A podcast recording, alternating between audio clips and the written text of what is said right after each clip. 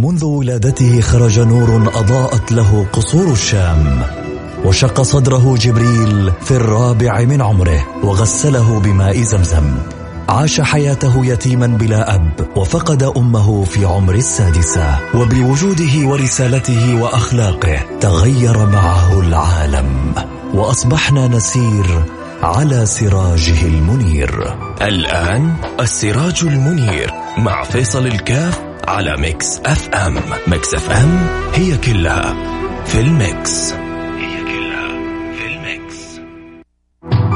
السراج المنير مع فيصل الكاف على Mix FM Mix FM هي كلها في ال mix.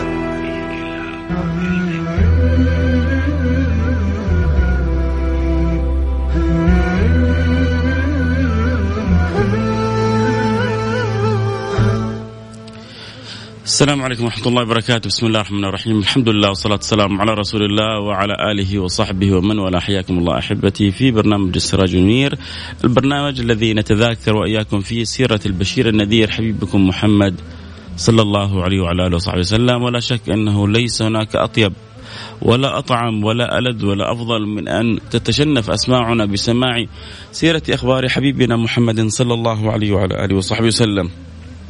في زمن كثرت فيه الأخبار السلبية وكثرت فيه الأخبار التي ربما المحزنة وكثرت فيه الأخبار الغير صحيحة وكثرت فيه الأخبار المشوشة وكثرت فيه المغالطات وكثرت فيه المؤاخذات. تأتي لنا مثل هذه السيرة العطرة النيرة العظيمة فتصفي القلب وتزكي الروح وتسمو بالفؤاد إلى أعلى المراتب. كيف لا؟ ونحن وإياكم نتذاكر أعظم سيرة تلك السيرة التي تصلح بها السريرة وتتنور بها البصيرة. وإذا صدق الإنسان سار على أحسن سيرة متبعا أثر وخطوات وهدي ونهج صاحب البصيرة حبيبكم محمد صلى الله عليه وعلى آله وصحبه وسلم. قل هذه سبيلي أدعو إلى الله على بصيرة. قل هذه سبيلي أدعو إلى الله على بصيرة. فالله ينور لنا ولكم البصيرة بحسن التتبع لهذه السيرة سيرة حبيبكم محمد صلى الله عليه وعلى آله وصحبه وسلم. أنا أحدثكم فيها وأشعر بفضل الله علي كوني لا أستحق آه هذا الأمر ولكنه تفضل من الله سبحانه وتعالى أن يكرمني بساعة أتذاكر فيها سيرة النبي محمد صلى الله عليه وسلم ويكرمني بأناس آه طيبين أمثالكم يسمعوا هذا البرنامج ويسمعوا تلك السيرة.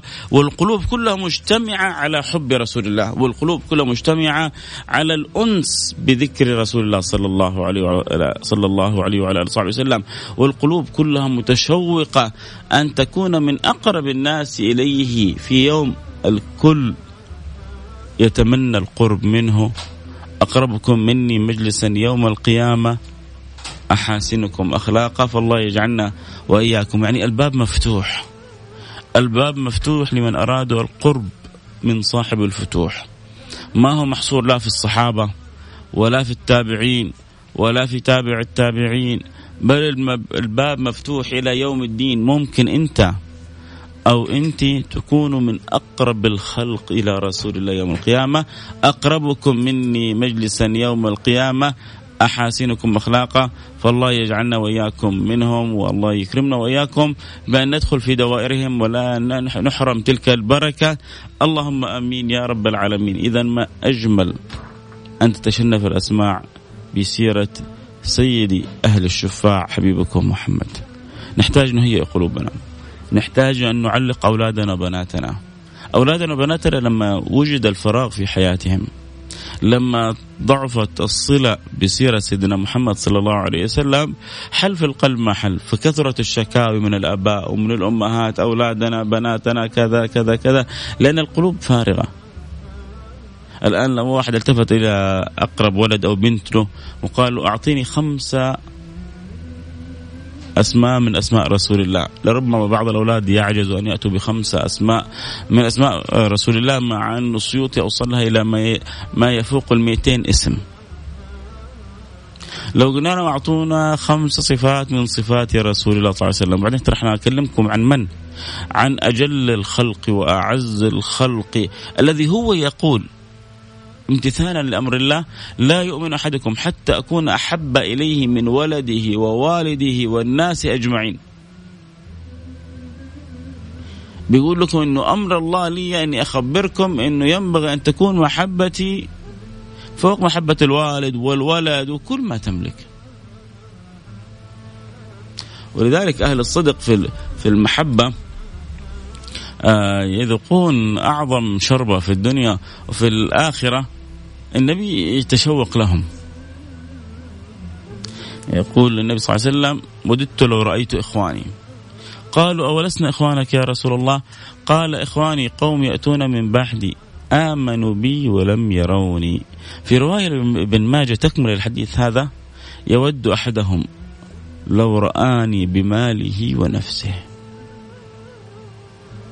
يعرف يعرف شيء من قيمة النبي. ما بقول أحد يعرف. ما ما أحد يعرف قيمة رسول الله إلا المولى تعالى في علاه اللي خلقه. لأنه هذا أعظم مخلوق خلقه الله. فمين فينا الذي يستطيع أن يعرف عظمة أو قيمة أو منزلة أعظم مخلوق على الإطلاق؟ لكن نعرف شيء منه. ونعرف شيء من تلك المنزلة ونعرف شيء من من ذلك المكان لرسول الله صلى الله عليه وعلى آله وسلم. نعلم أن الله ما أحب أحدا مثل ما أحب النبي محمد. تلك الرسل فضلنا بعضهم على بعض وأفضلهم سيدنا محمد. لو كان موسى حيا لما وسعه إلا اتباعي. آدم فمن دونه تحت لوائي يوم القيامة. يعني من سيدنا آدم إلى سائر الأنبياء كلهم تحت لواء النبي يوم القيامة. آدم فمن دونه تحت لواء يوم القيامة. ألا إن موسى كريم الله؟ ألا إن إبراهيم خليل الله؟ ألا إن عيسى روح القدس؟ ولكني حبيب الله. ولكني حبيب الله. فمهما نتكلم يعجز اللسان. وعلى تفنن واصفيه بوصفه يفنى الزمان وفيه ما لم يوصف. هذا من أجمل الأبيات التي تشعرك بالعجز عن أن تحيط بهذا الحبيب. معرفة منزلة خلقا خلقا كرامة. وعلى التفنن وصفه بوصفه. يفنى الزمان وفيه ما لم يوصف. أي أن البشر لا يستطيعون أن يحيطون بكل ما خبأ الله سبحانه وتعالى في هذا الحبيب من العظمة من المنزلة من الكمالات الإنسانية البشرية من من من قل ما تشاء. ما هو النبي كان يقول إني لست كهيئتكم. إنما أبات عند ربي يطعمني ويسقين. إني لست كهيئتكم. حبيبكم رسول الله. أعطوني أحد في في في, في الكون كله يرى من خلفه كما يرى من أمامه.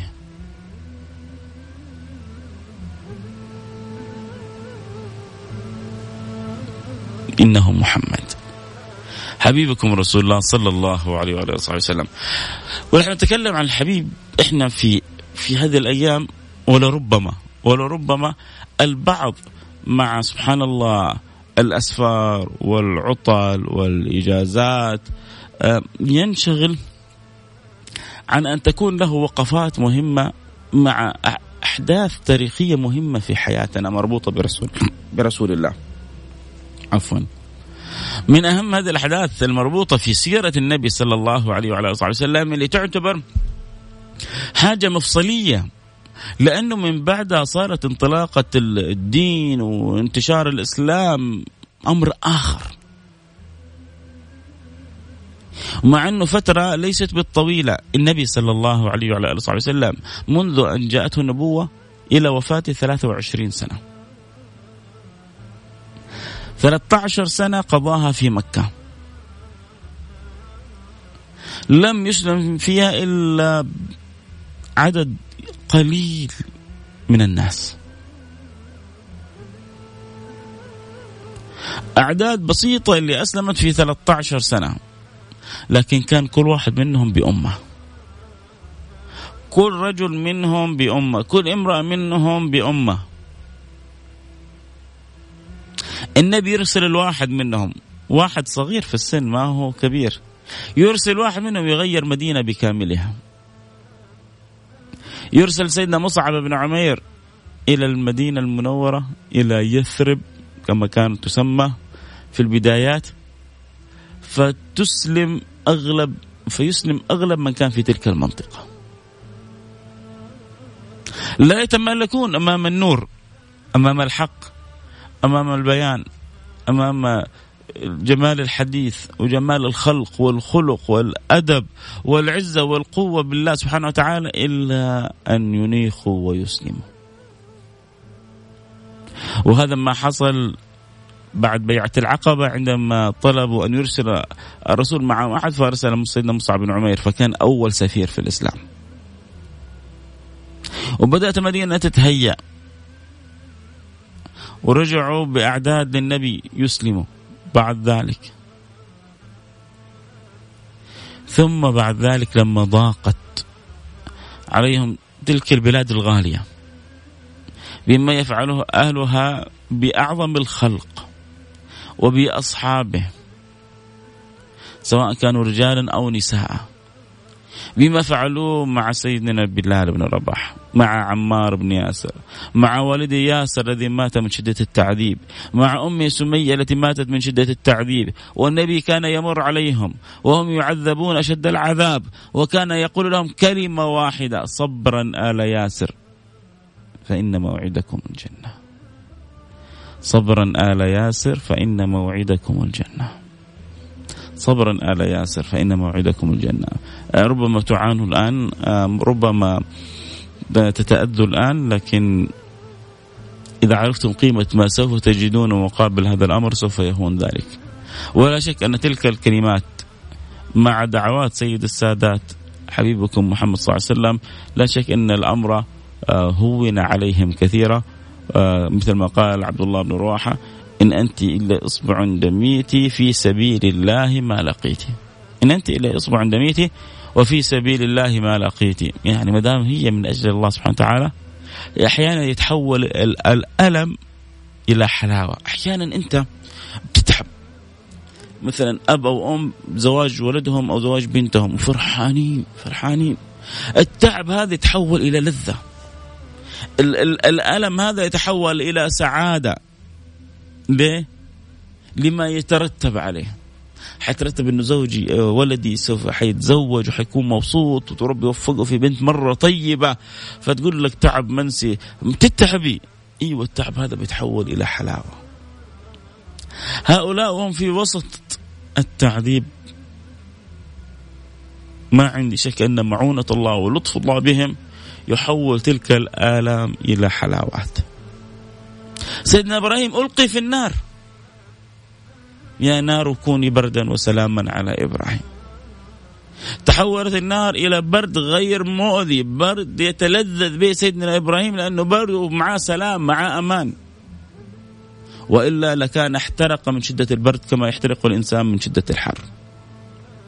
أو الذي راعى إبراهيم عليه السلام؟ أو الذي اعتنى بإبراهيم عليه السلام؟ ان يغفل عن أصحاب محمد. عن محمد وعن أصحابه. الرعاية والعناية هي هي بل هي أعظم في النبي صلى الله عليه وعلى آله وصحبه وسلم.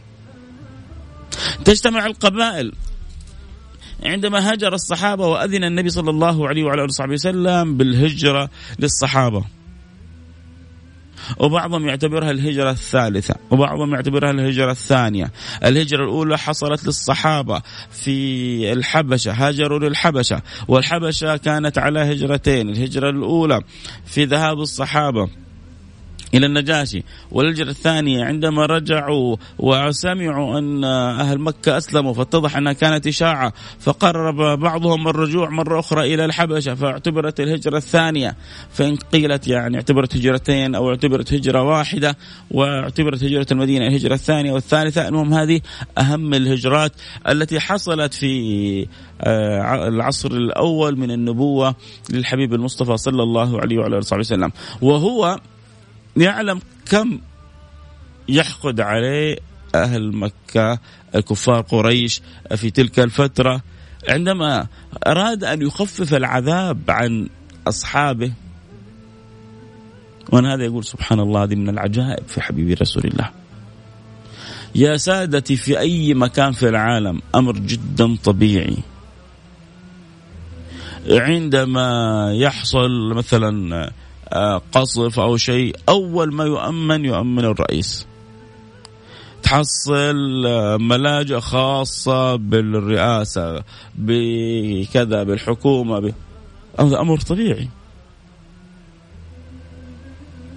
دائما عندما تحصل الحرب أول ما يهتم بان يحاط به الرئيس ومن كان حوله هذا أمر طبيعي أمر سنة كونية موجودة حتحصلها عند المسلم عند غير المسلم. النبي صلى الله عليه وعلى آله وصحبه وسلم والكل كان يريد أن يقتص منه قدم أصحابه وأخرجهم للهجرة حتى لا يتأذوا. وبقى هو بنفسه في مكة. وبقى معه نفر من أصحابه. ما هو؟ هو اللي بيقول لو وضع الشمس عن يميني والقمر عن يساري على أن أعود عن هذا الأمر ما عدت. إنسان الله فتح له بالصلة به. ياتيه خبر السماء في لحظة. الله يرعاه بعين عنايته وبرعايته. وحنشوف بعد شوية في القصة. إذا ربي بارك في الوقت. كيف القلب المطمئن بالله سبحانه وتعالى. محتاجين يا سادة أن نأخذ نصيبنا من من هذا الإيمان من هذا اليقين من هذا الحب من هذا الود من هذه الصلة من من هذه العناية من هذه الرعاية. مشكلة كبيرة لما تأخذنا الدنيا فنقطع حبال وأوتار صلاتنا بالله تعالى في علاه روح يا سيدي. سوي كل اللي تبغاه. مردك ومرجعك إلى من؟ إلى الله. إذا رجعت وقفت بين يدي الله. ما الذي تتمناه اسمع. شوف ربي بيحكي عن بعض الناس بيقول ربي ارجعون لعلي أعمل صالحا فيما تركت. ربي ارجعون لعلي أعمل صالحا فيما تركت. ربي ارجعون أو أنت لسه الحمد لله. ما تحتاج تقول ربي ارجعون أنت باقي في الدنيا. أين صلتك بربك؟ أين مراد الله فيك؟ أينما ترجوه؟ أينما تطلبه؟ مين, مين, مين من جد هم الفردوس الأعلى؟ مين بتأخذ الدمعة في الليل خايف إنه ما يكون في الفردوس الأعلى؟ مين قلبه بيوجع خايف إنه لما يجي يوم القيامة ما يحشر في زمرة النبي محمد صلى الله عليه وعلى آله وصحبه وسلم؟ أنت تبغى فين؟ وتحشر مع مين؟ وتكون في زمرة مين؟ مش سنة ولا اثنين ولا عشرة ولا عشرين ولا مية ولا ميتين ولا ألف ولا ألفين خلود بلا نهاية. وحسرتا علينا. بنضيع كثير من الخير المربوط بقليل من العمل. ليش؟ لأنه أصابنا الحجز. إيش العجز؟ النبي صلى الله عليه وسلم يقول العاجز من أتبع نفسه هواها وتمنى على الله الأماني. الكيس من دان نفسه وعمل لما بعد الموت. يقول لك النبي الذكي الذكي الفطن اللي بيستعد للحياة الحقيقية. مو الآن اختبطت واختلطت علينا الكثير من المفاهيم. وعندنا مشكلة في سلم الأولويات في الحياة. أكلمكم بجد. الأولويات في الحياة تغيرت. أذكر طبعا اللي يحب اللي يحب يتابع الحلقة صوت وصورة ممكن ينضموا لنا على الإنستغرام live at فيصل كاف. على الإنستغرام live فيصل كاف الحلقة تبث صوت وصورة. للي يحب يتابع الحلقة صوت وصورة واللي يحب يتابعها عبر الأثير أكيد حيستمر معنا عبر آه، أثير آه، إذاعة Mix FM. فعندنا مشكلة في ترتيب الأولويات في حياتنا. نرجع إلى عموم الهجرة. حنحاول كذا نسلط الضوء على ملامح عن الهجرة. آه النبي صلى الله عليه وعلى آله وسلم أذن لأصحابه بالهجرة. أبو بكر الصديق بدأ يتجهز قال له لا لعل الله أن يأذن لي بالهجرة. فهم سيدنا أبو بكر انه النبي اختص سيدنا أبو بكر عشان يكون صاحبه. أراد سيدنا رسول الله المنزلة العالية الغالية لواحد من أحب الناس في قلبه. أغلب الصحابة من استطاع منهم كل مش بس أغلب كل من استطاع أن يخرج ويهاجر النبي أمرهم بالخروج. ما عدا بعض المستضعفين اللي يشتغلوا عند ساداتهم من صناديد وكفار قريش ما يقدروا يخرجوا أو ربما بعضهم ما حتى أعلن إسلامه فهؤلاء جالسين في أماكنهم. لكن اللي جلسوا باختيارهم اثنين. سيدنا أبو بكر الصديق وسيدنا علي بن أبي طالب. وسيدنا علي بن أبي طالب صغير في السن. أجلسه النبي صلى الله عليه وعلى آله وصحبه وسلم. كان لسه شاب.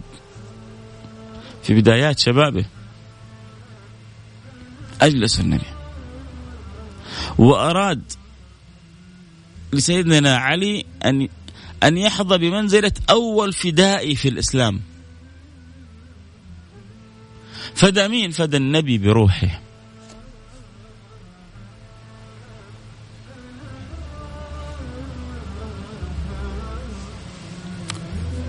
فدى النبي بروحه.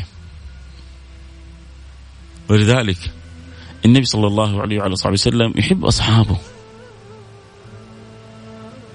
ولذلك لما يقربهم يخلع عليهم الخلع الجميلة. يقول لسيدنا علي مرة من المرات أما ترضى أن تكون مني بمنزلة هارون من موسى إلا أنه لا نبي بعدي؟ أما ترضى أن تكون مني بمنزلة هارون من موسى؟ إلا أنه لا نبي بعدي. لأعطين الراية غدا رجلا يحب الله ورسوله ويحبه الله ورسوله. سيدنا عمر قال ما عمري تطلعت للأمارة إلا في ذلك اليوم. عشان فيها الأمارة شهادة من الله من رسول الله أنه محبوب عند الله وعند رسول الله. يا سلام.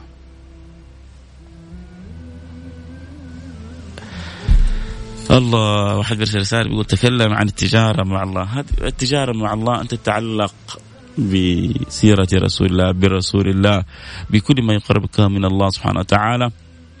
كل اللي نتكلم هذا فيه إذا وجد طريق إلى قلبك هذه تجارة مع الله سبحانه وتعالى. فالله يجعلنا وإياكم ممن أحسنوا التجارة مع الله. التجارة مع الله ما فيها خسارة. كم من تاجر تدخل معاه قد تكسب وقد يعني تخسر. لكن التجارة مع الله قط قط قط ما فيها خسارة. نرجع لموضوع الهجرة. هاجروا الصحابة بقي سيدنا أبو بكر سيدنا علي. ليش بقيوا وشوف الرسول صلى الله عليه وسلم عنده رؤية. إحنا مشكلتنا دائما بنقول مع الناس إنه وتكلمنا يمكن قبل أمس كيف انه كثير من أصحابنا ما عندهم رؤى في حياتهم. وكيف انه وجود الرؤية بيوفر للإنسان الأوقات وبيقطع له المسافات وبيحدد له أحسن الاتجاهات وبيجعله ينجز أعظم المهمات لما تكون عنده رؤية. ولذلك يعني لما سمو الأمير الشاب ولي العهد سمو الأمير محمد بن سلمان أول ما أراد أن يضع قدمه في خدمة هذا البلد وخدمه هذا الوطن وضع رؤى. لأنه عارف إنه من غير أن يكون عندنا رؤية ما حنستطيع ان نصل لما نصبو إليه، أما الجلوس بالكلام وبالأماني وبالتمني ما تقدم ولا تؤخر. هذه الأماني دائما. وتمنى على الله الأماني، العاجز من أتبع نفسه وتمنى على الله الأماني، جالس يتمنى بس. لازم تكون عنده. فالحبيب صلى الله عليه وصحبه وسلم كانت لما اجلس الصحابه هؤلاء كانت عنده رؤية واضحة. سيدنا أبو بكر الصديق سوف يكون صاحب وخليله في الطريق. وسيدنا علي بن أبي طالب سوف يجعل في مكانه عند خروجه. ليش؟ حتى يرد الأمانات لأن النبي كان يسمى بالأمين. ولما دخل النبي صلى الله عليه وسلم في مسألة الكعبة ومن يضع الحجر الأسعد ويرد إلى مكانه قالوا أول داخل يدخل علينا نأخذ برأيه. فدخل النبي فكلهم نطقوا عن بكرة أبيهم كلهم بلسان واحد. قالوا جاء الأمين جاء الأمين. فلذلك كانت من عنده أمانات كان يضعها عند رسول الله. ولما أراد رسول الله الهجرة أحب أن ترد الأمانات وأحب أن يردها واحد من أهله. فأبقى سيدنا علي وأوصاه برد الأمانات ثم اللحوق به. في تلك الأثناء علم صناديد قريش أن أصحاب النبي وجدوا لهم عزة ومكنة ومناعة عند أهل المدينة. فاجتمعوا كي يتخلصوا من هذا الشر في نظرهم من هذا السوء في نظرهم من هذا التغيير الغير مرغوب فيه في نظرهم. فقالوا إذا نتخلص من محمد نقتل محمد. كانت أحد الآراء قتل محمد يجي واحد يخلصنا منه. واحد ثاني قال لا حندخل في مشكلة مع بني هاشم ومع قبيلته آل عبد المطلب. ماذا نفعل؟ قال نطرده نخرجه فإن قتلوه غيرنا من من العرب كفونا. شر القتال. وإن هم حجموه أو أبعدوا فقد ابتعد عنا وعن مكاننا. نخرجوا مننا. يا هم حجموه وحصروه وضايقوه يا هم قتلوه وبكذا إحنا نكون بريئين من دمه. أبو جهل ما عجبته الفكرة دي ولا الفكرة هذه. قالوا لا. قال أبو جهل لهم جاب فكرة خبيثة. إيش الفكرة؟ قال نجيب من كل قبيلة واحد. مو عدد من القبائل كلكم متأثرين من هذا التغيير اللي بيسويه محمد؟ صلوا عليه اللهم صل وسلم على حبيبنا وسيدنا قرة عين سيدنا محمد صلى الله عليه وعلى اله وسلم. متأثرين أنتم قالوا نعم. قال من كل قبيلة أعطوني شاب. الشيطان كان حاضر الاجتماع هذا. أتى لهم في صورة شيخ غريب وجلس بينهم. ولما جلس بينهم وسمع رأي أبو جهل نأتي من كل قبيلة بشخص. ثم إذا خرج محمد من بيته رمينا بالأسهم كلها في صدر محمد فيتفرق دم محمد في القبائل يصير دم النبي متوزع في القبائل فحيقاتلوا إيش؟ تقاتل قبيلة تقاتل يعني فخذ تقاتل مجموعة لكن تقاتل قبائل العرب كلها ما تقدر. الشيطان مخ مخ على هذا الرأي هذا الرأي اللي ما بعده رأي. قال لهم هذا هو الرأي الصحيح. هذا هو الرأي الصحيح. هذا هو الرأي الصحيح. ما فيها كلام. شو سبحان الله كيف كيف الخباثة عندما تصل إلى أعلى مراتبها؟ الشيطان يؤيد وأبو جهل يأتي بالفكرة الخبيثة. سيدنا جبريل أرسله الله ليعلم مباشرة رسول الله بما يكيد به أهل الكفر في مكة. أنتم تظنوا المسألة ما هي مرعية؟ أنتم يعني تظنوا أن الله غافل عما تعملون؟ وما الله بغافل عما تعملون. أو تظنون يدع حبيبه محمد هكذا؟ ما ظنك باثنين الله ثالثهما؟ لا تحزن إن الله معنا. كلها انطلقت. كل هذه العبارات انطلقت في هذه القصة. كل هذه الآيات كانت تذكرنا بهذه القصة. خرج رسول الله. شوفوا يا جماعة العزة. شوفوا يا جماعة بذل السبب والاعتماد على المسبب وليس على السبب. شيء عجيب. القصة هذه شيء عجيب. النبي صلى الله عليه وعلى صحبه وسلم جاب سيدنا علي ووضعه في مكان فراشه.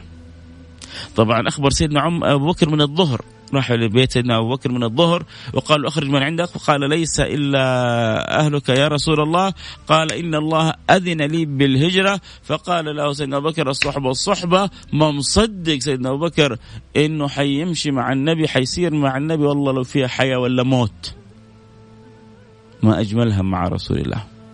وسيدنا أبو بكر سخر بيته كله لخدمة النبي.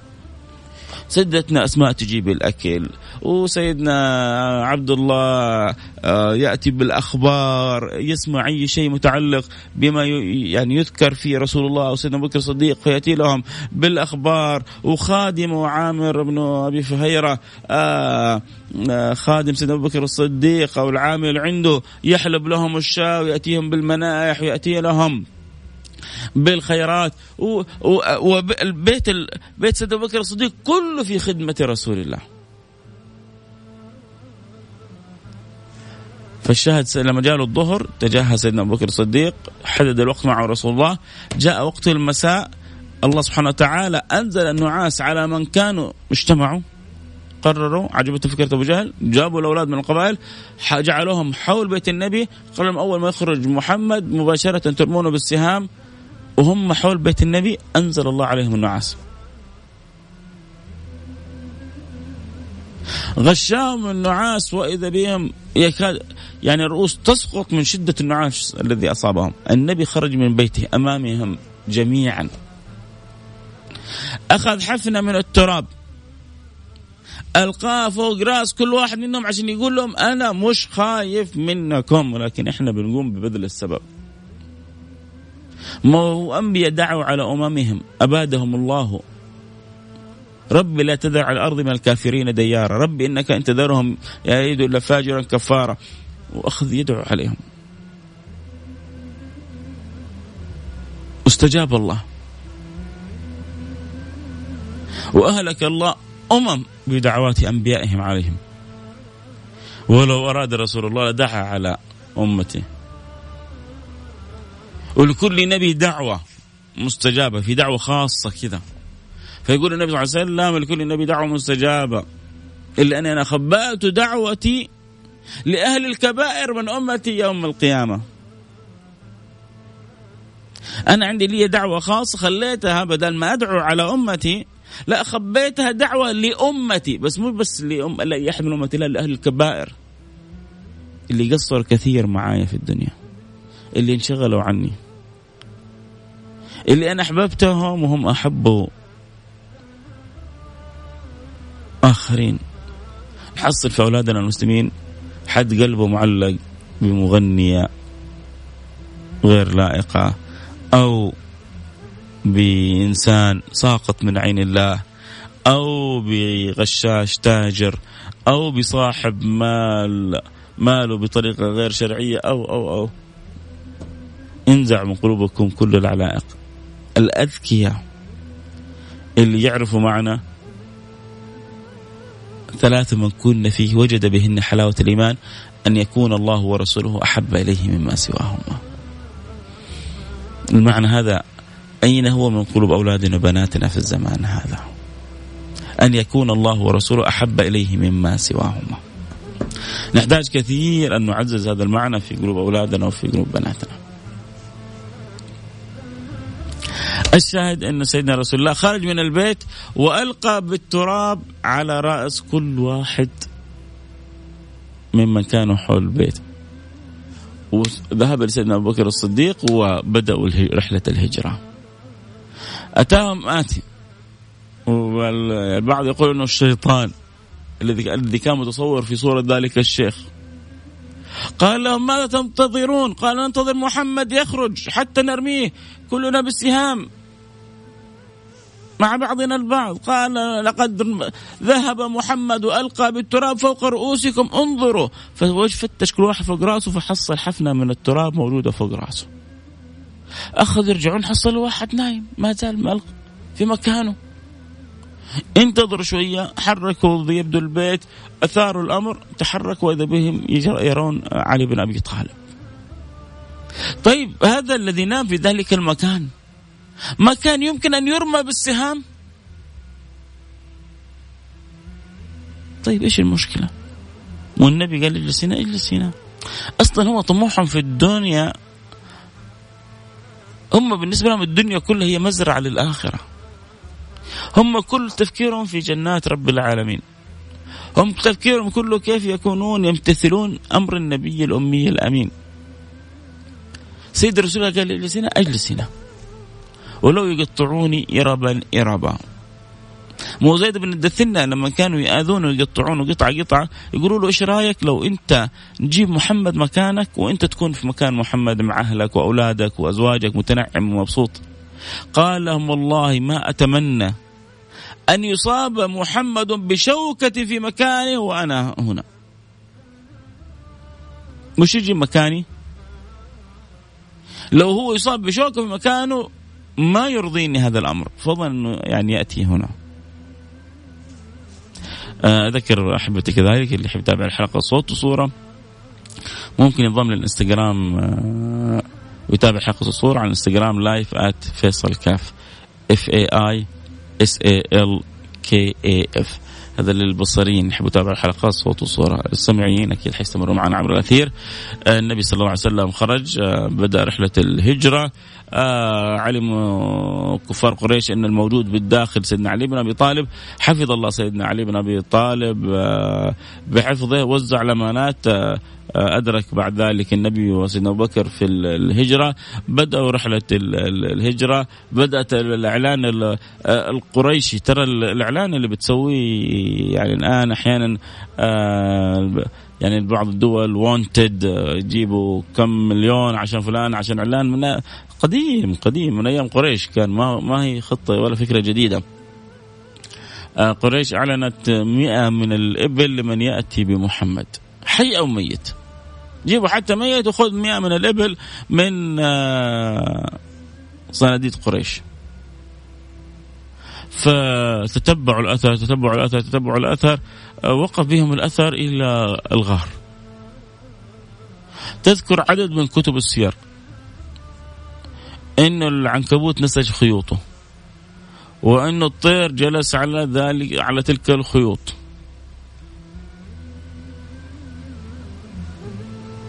فلما وصلوا تراجعوا. بعضهم قال نكمل الاثر هنا؟ قالوا لو أن محمد دخل الغار ما كانت لا هذا العنكبوت ولا هذه الطيور اللي تقع عليه. هذا يبغى له يعني كذا كذا من الزمن حتى ينسج. إيش يقول لصاحب البردة؟ وظن العنكبوت آه وظن العنكبوت نسيتها. أظن العنكبوت سبحان الله شيء بالبال آه، لم تنسج ولم تحمي. وقاية الله أغنت عن مضاعفة من الدروع وعن عالي من الأطم. يعني هذه أسباب أقامها الله. ولكن الحقيقة الحقيقة وقاية الله أغنت عن مضاعفة من الدروع وعن عالم من الأطم. الذي حمى رسول الله. هو الله تعالى بعلاه لكن هذه كانت أسباب. سيدنا أبو بكر الصديق يقول للنبي لو نظر أحدهما إلى نعاله لرآنا يا رسول الله. فالنبي يثبت يقول ما ظنك باثنين الله ثالثهما. يا يا أبا بكر إحنا معنا ربنا. إحنا إحنا ما إحنا مثلهم. إن معي ربي سيهدين. هؤلاء ما معهم إلا الشيطان. والشيطان كيده ضعيف. والشيطان لقومه خذول. لكن إحنا وضعنا آخر. إن الله معنا. لا تحزن. إن الله معنا. والذي في معية ربه. والذي تحيط به عناية ربه. أو يستطيع عليه. مش مش كفار قريش والله الكون كله. الكون كله ما يقدرون عليه. طبعا ما يدرك هذا الكلام إلا من امتلك قلبه بالإيمان. الشاهد إنهم وصلوا وجدوا العنكبوت نسج خيوطه. والحمام جلس على تلك الخيوط فقالوا إنها لعن هذه لها كذا كذا زمن.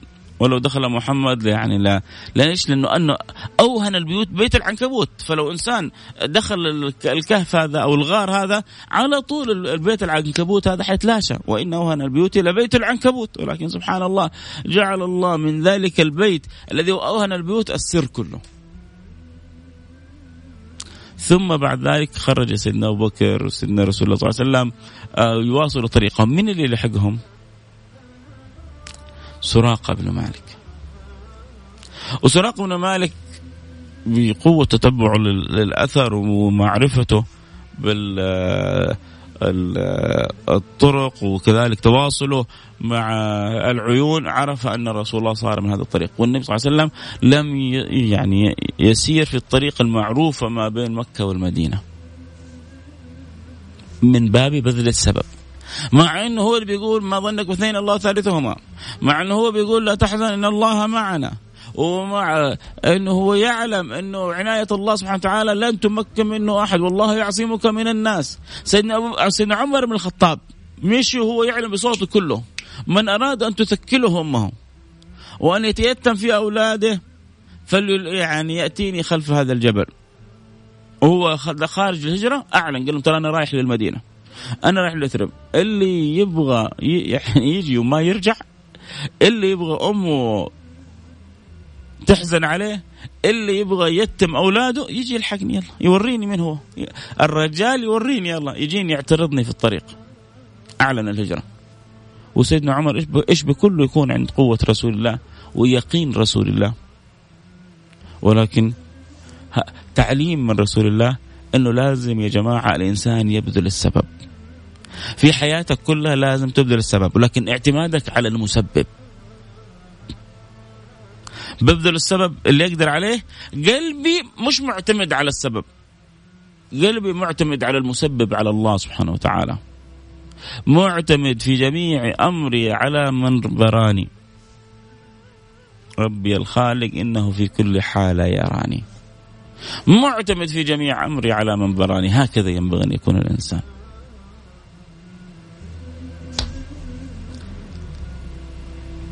جاء لهم سراقة. دعا رسول الله على سراقة سيدنا أبو بكر. أصابه شيء من الخوف داخل قلبه. خلاص قرب منه انفضح الأمر. سيدنا رسول الله صلى الله عليه وسلم ولا كأن في الأمر أمر. دعا عليه. غاصت والأرض صلبة. الأرض صلبة. تذكر كتب السير. غاصت قوائم خيل سراقة. حتى التصقت بطن الخيل بالأرض. قال إن هذه من دعوتكما. فادعوا فأرجعوني كما كنت. وأعيد خيلي كما أن كنت. ولتروا مني أمرا عجبا. لو تروا كيف أن ندافع عنكم. طبعا أول مرة ثاني مرة ثالث مرة تذكر بعض كتب السير. كان يقول كذا فيدعو النبي له فيرجع الخير إلى مكان الطبيعي فيرجع ويلحق وراء النبي. ثالث مرة خلاص أيقن أنه هذا ما يمكن إلا أن يكون نبي حق. فقال لهم خلاص أنتم انطلقوا وأنا حخذل عنكم. أي أحد يجي حقول لهم ربما محمد ذهب من هنا ربما ذهب من هنا حتى ينصرفوا عن الطريق. وترك المئة إبل وترك الدراهم والدنانير لأنه شاف أمام عينه شيء حق. شاف أنه كل ما يقرب من النبي الخير حقه في الأرض الصلبة بيدخل وسط الأرض. العجيب في قصة سراقة؟ والله شيء عجيب غريب. أنا كل ما أقرأ أتحير. تعرفوا ليه؟ لأنه هو شاف الشيء هذا أمام عينه. شاف النبوة أمام عينه. شاف الحفظ والعناية والرعاية واستجابة الله لسيدنا محمد أمام عينه.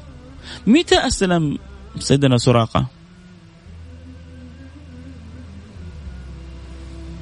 متى أسلم سيدنا سراقة؟ يلا مين يقول لي؟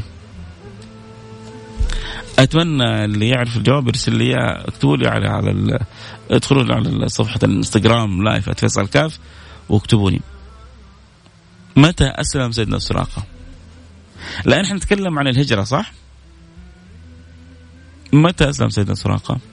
طبعا أذكر معلومة مهمة مهمة متعلقة بالهجرة. الهجرة هجرة النبي كانت في ربيع الأول. وبداية السنة عند العرب كانت من محرم.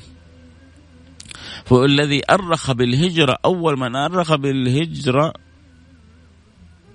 سيدنا عمر بن الخطاب في عهد عمر بن الخطاب فلما أراد أن يؤرخ التاريخ الإسلامي أرخه بالهجرة فوضعه في السنة التي هاجر فيها النبي ولكن على عادة العرب في بداية السنة بمحرم. واضح الكلام؟ فبدأ التاريخ الإسلامي بهجرة النبي سيدنا محمد صلى الله عليه وسلم. وجعلت الشهر على عادة العرب وإلا الهجرة كانت في ربيع الأول. ودخل النبي المدينة في الثاني عشر من ربيع الأول.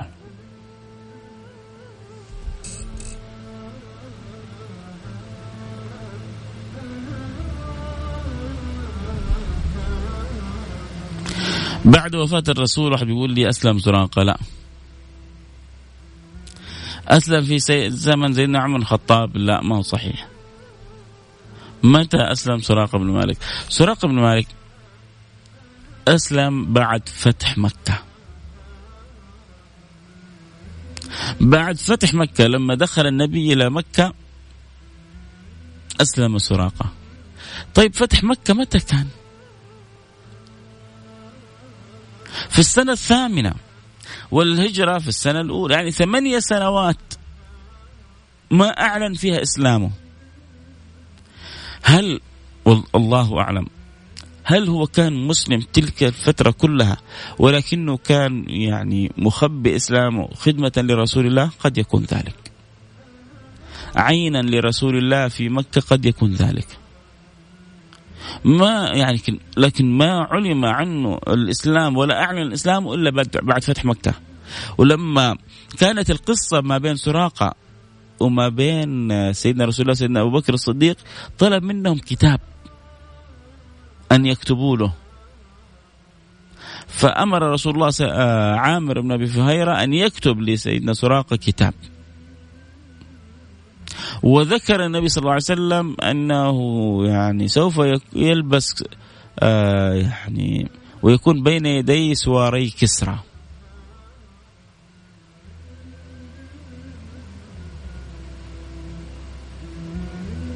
فإذا بسيدنا سراقة عندما يحصل النصر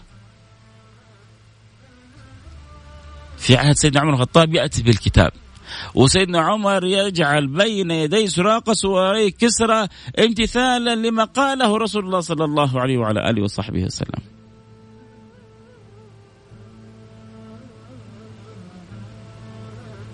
فأنا عندي تحير شديد. كيف أنت بعد ما شفت النور؟ وشفت النبوة وشفت العظمة. هذه صابر ثمانية سنوات حتى تعلن إسلامك. تخيل لو ربي اختارك قبل الثمانية سنوات. أي أي يعني ماذا كان حالك؟ أنا في في اعتقادي الشخصي لكنه الله أعلم بصحة هذا الأمر أنه أسلم من تلك اللحظة وكان مختبئ وفي وسط قريش حتى يكون خادم لرسول الله. ثم لما حصل فتح مكة أعلن إسلامه. هذا الذي أنا أتوقع وما أتخيل إنه إنسان بعد ما يشوف الحق هذا ويكتب له النبي كتاب ويبشره ببشارات ثم يسلم بعد فتح مكة. لكن المعروف في كتب السير أنه أعلن إسلامه بعد فتح مكة. الوقت انتهى معنا وما زلنا كذا لسه في بدايات رحلة الهجرة.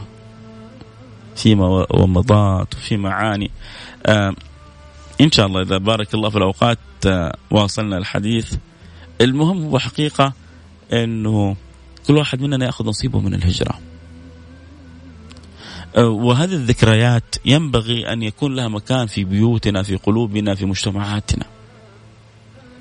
أنا شعرت كذا دخلت يعني دخلت دخل موسم الهجرة علينا دخلت أيام الهجرة علينا وبعض الناس منشغلة بإجازاتها وبأسفارها وبتمشيتها وب آه، آه، يعني عادتها وحياتها الطبيعية وما كأنه في موسم جميل دخل علينا. مو شوف المواسم لها طعمها. ومن أجمل المواسم موسم الهجرة هذا. ليش أول حاجة بذكرنا ببداية السنة؟ وكلنا نتمنى من الله أن يجعل سنة خير وبركة علينا وعلى بلادنا وعلى مملكتنا وعلى شعوبنا وعلى بلداننا وعلى أهلنا وعلى أنفسنا وعلى جميع الأمة. جعل سنة خير سنة بركة سنة سلام سنة وئام سنة حب سنة ود. أه، أه، أه، اهتمامنا بدخول بموسم الهجرة يا جماعة هو اهتمام بتاريخنا. اهتمام بأيامنا. يعني بعد يومين تقريبا إن شاء الله حتكون معانا يعني يوم من الأيام التي لها قصة وقصص حقيقة. قصص مفرحة وقصص محزنة. والله أمرنا أن نتذاكر الفرح ونسأل الله سبحانه وتعالى آه، أن يجعلنا العظة والعبرة من تلك القصص. يوم عاشوراء جاينا. يوم عاشوراء حصل فيه ما حصل لسيدنا الحسين وكلنا يعلم ذلك. وحصل ما حصل فيه من لإنقاذ سيدنا موسى. يوم أنقذ الله فيه سيدنا موسى وكلنا يعلم ذلك. والله سبحانه وتعالى أمرنا بالتفاعل مع الأحداث التي فيها فرح. قل بفضل الله وبرحمته فليفرحوا. ذلك خير مما يجمعون. سيدنا رسول الله لما رأى اليهود يصوموا قال لما تصومون؟ قال يوم انقذ الله في سيدنا موسى قال نحن أحق بموسى منكم. وصام يوم عاشوراء. وذكر النبي انه صيام يوم عاشوراء يكفر سنة. فاللي بيصوم يوم واحد بيتكفر له ذنوب سنة كاملة صيام يوم عاشوراء طب مو إذا إحنا انقطعنا عن تاريخنا هذا حيدخل يدخل علينا عاشوراء ويخرج عاشوراء وإحنا غافلين عن هذه المواسم العظيمة اللي ربنا هيئها لنا. عشان كذا بذكر نفسي بذكركم آه، يوم عاشوراء مقبل علينا. ويسن صيام يوم قبله أو يوم بعده. ليش مخالفة لليهود؟ لأن اليهود كانوا يصومون عاشوراء، والنبي لما يعني أدركهم صام عاشوراء قال ولا إن بقيت لقابل اصل تاسوعا. فلذلك قالوا يسن صيام يوم قبله أو يوم بعده مخالف لليهود وصيامه يكفر سنة كاملة فلذلك تمر علينا هذه الأحداث وهذه المناسبات ينبغي أن نأخذ نصيبنا منها. تمر حادثة الهجرة. البيوت حتى ما تتذاكر أخبار الهجرة، ما تأتي بقصص الهجرة، ما تقف مواقف. هذه هذه الأيام والليالي التي خرج فيها رسول الله صلى الله عليه وسلم انقاذا وحرصا ومحبة وخدمة لهذا الدين. ونصرة للشريعة. وإبرازا للحق. كيف وصل لنا الدين هذا يا جماعة؟ الواحد فينا متنعم بلا إله إلا الله محمد رسول الله. يروح على قدامي الآن التلفزيون على قناة القرآن الكريم بيشوف الكعبة ومستمتع بيها وبيروح المدينة المنورة وبيصلي في المسجد النبوي وبيستمتع بزور الحبيب المصطفى صلى الله عليه وعلى آله وصحبه وسلم. وهو في شرق أو في غرب يقول لا إله إلا الله ومتنعم بيها ومتلذذ بيها. كيف وصلتنا هذه كلها؟ فإنما يسرناه بلسانك.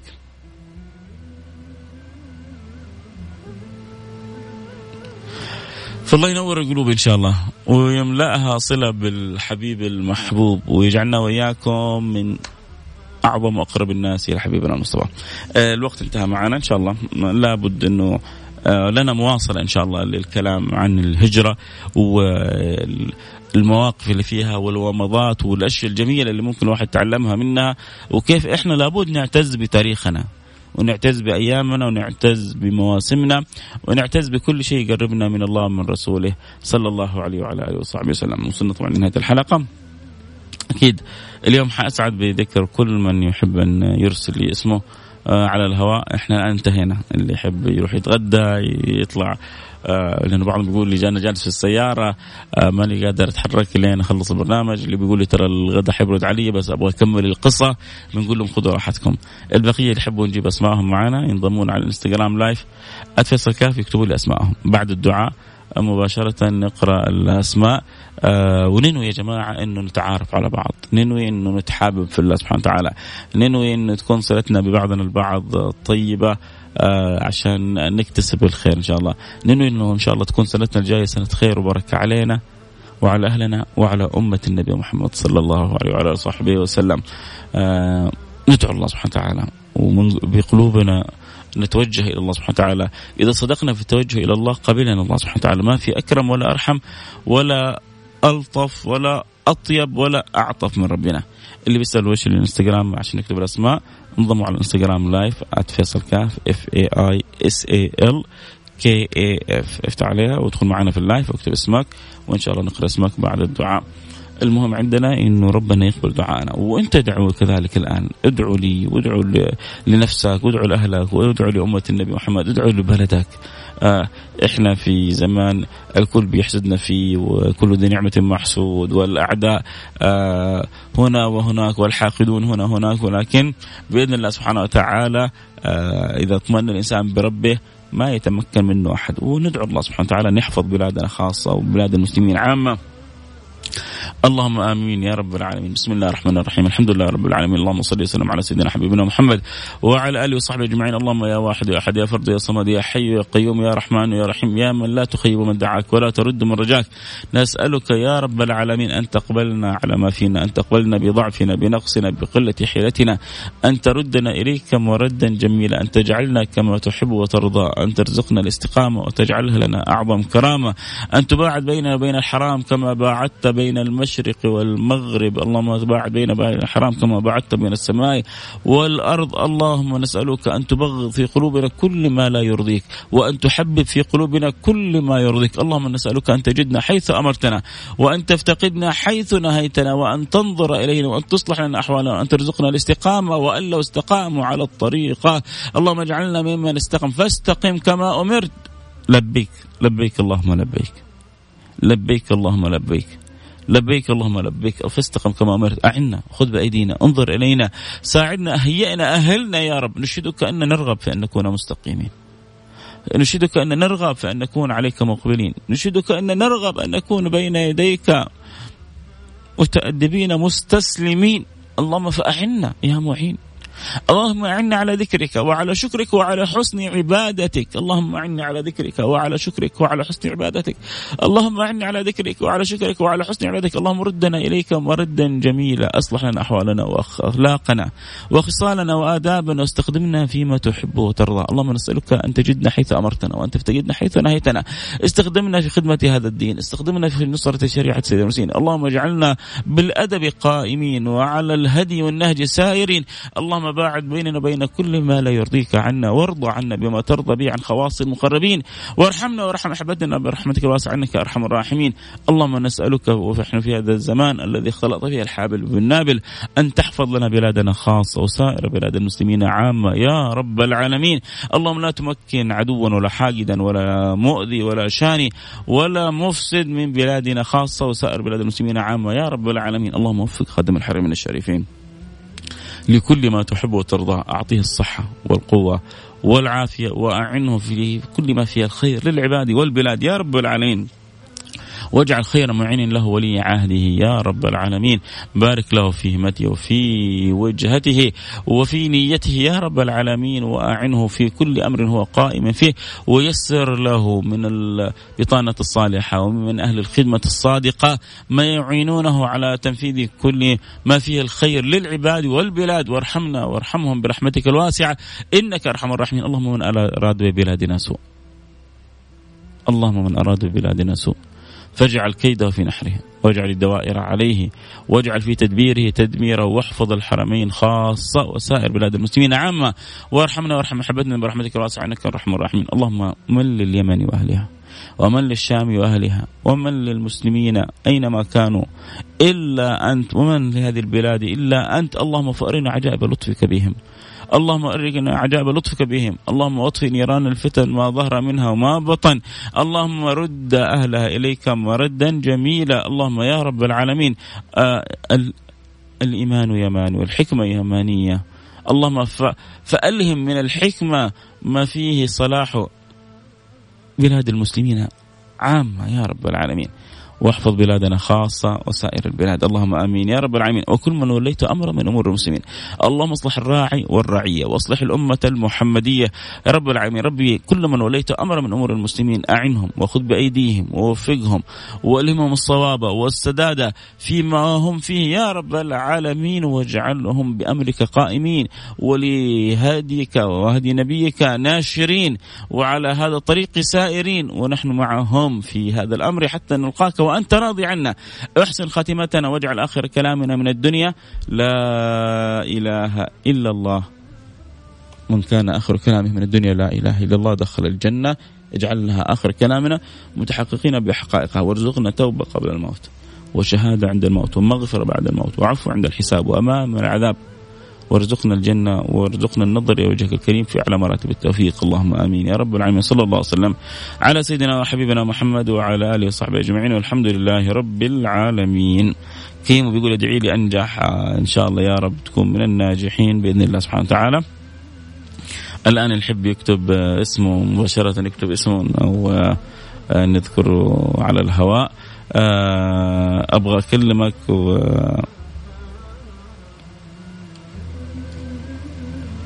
ونسيت أنا يا أستاذ تواصل معي على الخاص وأبشر أبشر إذا في شيء أقدر أفيدك به فعيوني لك اللي إذا في شيء أقدر أفيدك به عيوني لك. آه باقي معانا الله. ال... هو لما يعني الانستغرام يزيد عن الساعة مباشرة يبدو إنه ينطفي فالان نرجع نفتحه إن شاء الله. آه مرة ثانية.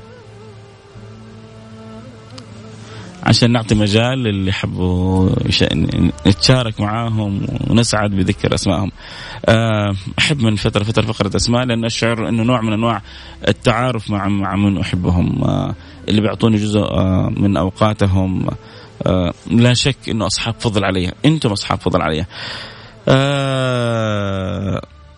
ادعي لزوجي الله يخلي لك ويسعدكم انت وياه ويصلح حالكم ويرضى عنكم ويبارك لكم ويخرج منكم الذرية الصالحة آه، ويفككم حيث ما كنتم.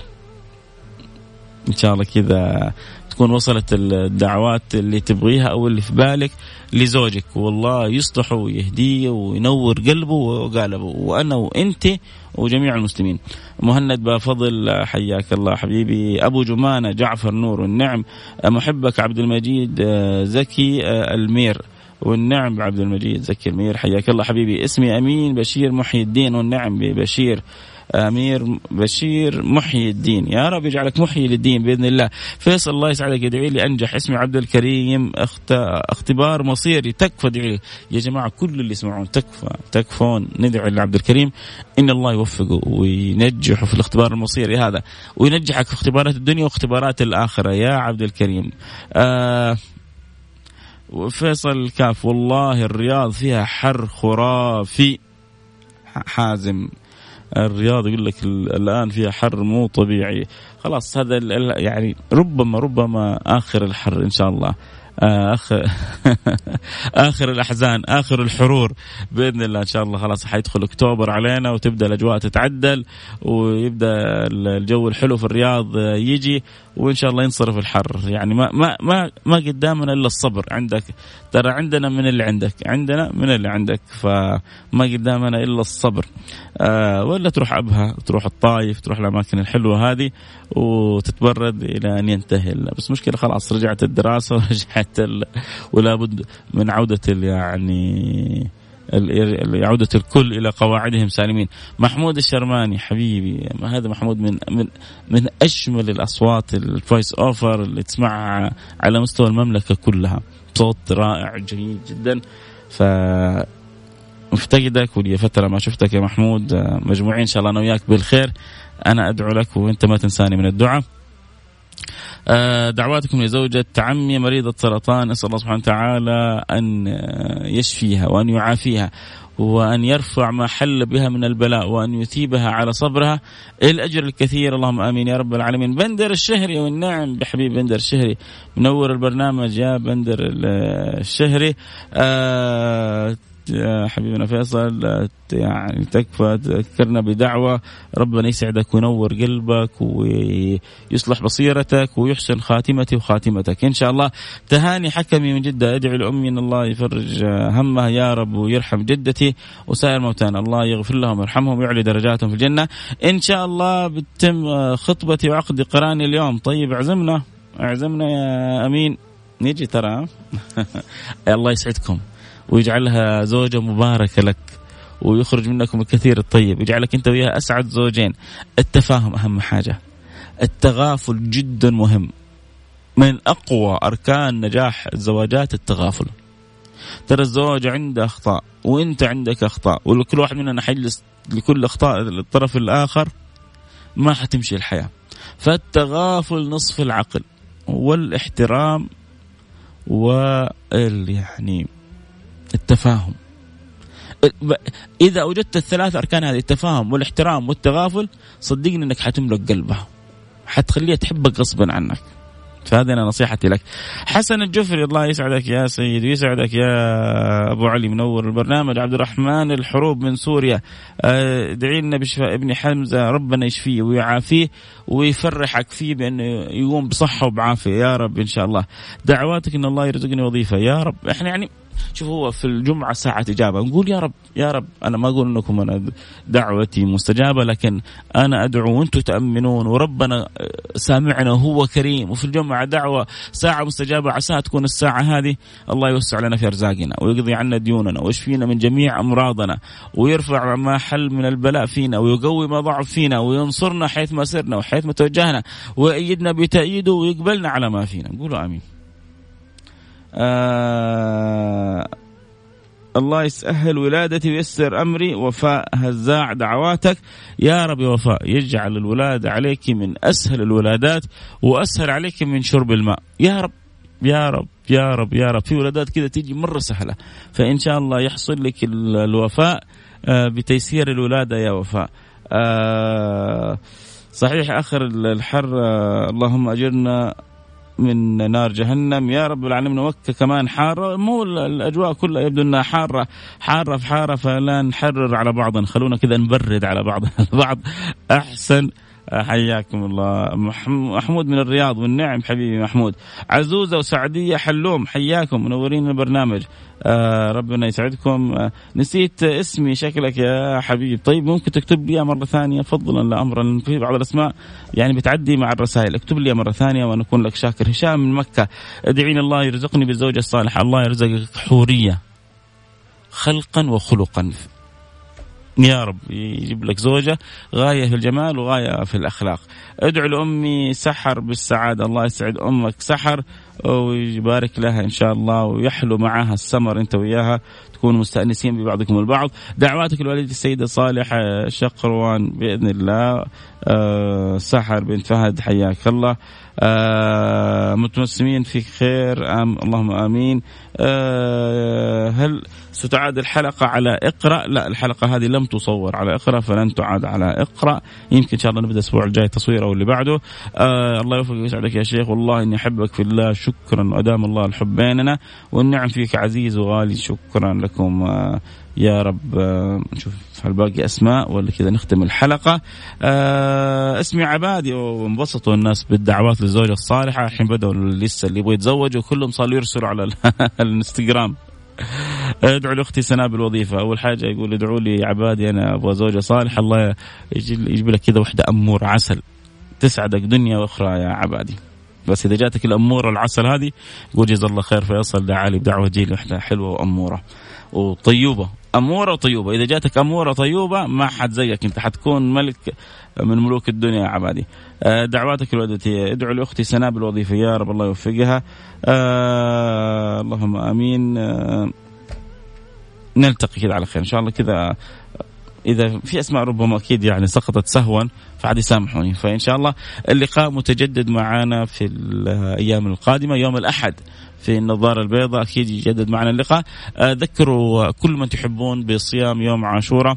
لا يفوتكم اليوم هذا. صوموا يوم قبله آه، إن يسر الله لكم أو يوم بعده اللي ما يستطيع حتى لا يوم قبله يوم بعد على الأقل صوم يوم عاشوراء. النبي صام يوم واحد. لكن الأفضل أن تصوم يوم قبله أو يوم بعده. أبو سيف ادعي لي الدنيا. الله يسهل لك أمرك ويعينك في سداد دينك. انت انوي بصدق أن تسدد الدين وسوف تجد المعونه من عند الله. سبحانه وتعالى أحمد الأركاني حياك الله. اسمي راح منك يا حبيبي ليك طب آه إيش اسمك؟ بس طيب اكتب لي إياه. يقول لي يعني بعضهم يعاتب وهو يعرف إني أنا أحبكم كلكم. اكتب لي اسمك مرة ثانية وعيوني لك. يلا اكتب لي اسمك الآن قبل أن ننتهي من الحلقة. آه اكتب لي اسمك. بعضهم يمكن لما يطلع النيك نيم حقه يظن إنه خلاص آه أنا حقرا اسمه. آه بارك الله فيك شيخنا وجزاك الله كل خير. ما بطول أكثر من كذا عشان برضو المستمعين على الهواء ما يملوا مننا. نلتقي معكم على خير. اللي ما جبنا اسمهم اليوم نجيب اسمهم إن شاء الله في الأيام الجاية. آه لا تنسوني من الدعوات وأنا ما حنساك من الدعوات. آه لا تنسوا قراءة سورة الكهف لمن يسر الله له ذلك. نور إلى الجمعة القادمة. أكثر من الصلاة والسلام على حبيبكم محمد صلى الله عليه وعلى آله وصحبه وسلم. فأكثر من الصلاة على رسول الله صلى الله عليه وعلى آله وصحبه وسلم. شوف الحين برضو يرسل مرة ثالثة يقول قلت لك يا أخي كان كتبت اسمك بدل ما تقول قلت لك عشان أقرأ وأتشرف بقراية آه، اسمك. لكن أنت شكلك تلاعبني. نلتقي على خير في أمان الله. صلوا على رسول الله. السلام عليكم ورحمة الله وبركاته. طبعا يحب يسمع الحلقة مرة ثانية. موجودة مدة يوم كامل على الإنستغرام live فيصل كاف. بعد شوي حتكون موجودة في البث ال live لبكرة. إذا حبيت تسمعها أو يعني تحب أحد غيرك يسمعها وتبغى تقوله. وكذلك الموقع موقع ال Mix FM على الأثير بعد نصف ساعة إن شاء الله أو ساعة حتكون موجودة الحلقة في ال broadcast في موقع ال Mix FM. وبكذا اللي بيسألوا عن كيف ممكن نتابع الإعادة هذه طرق متابعة الإعادة. في أمان الله.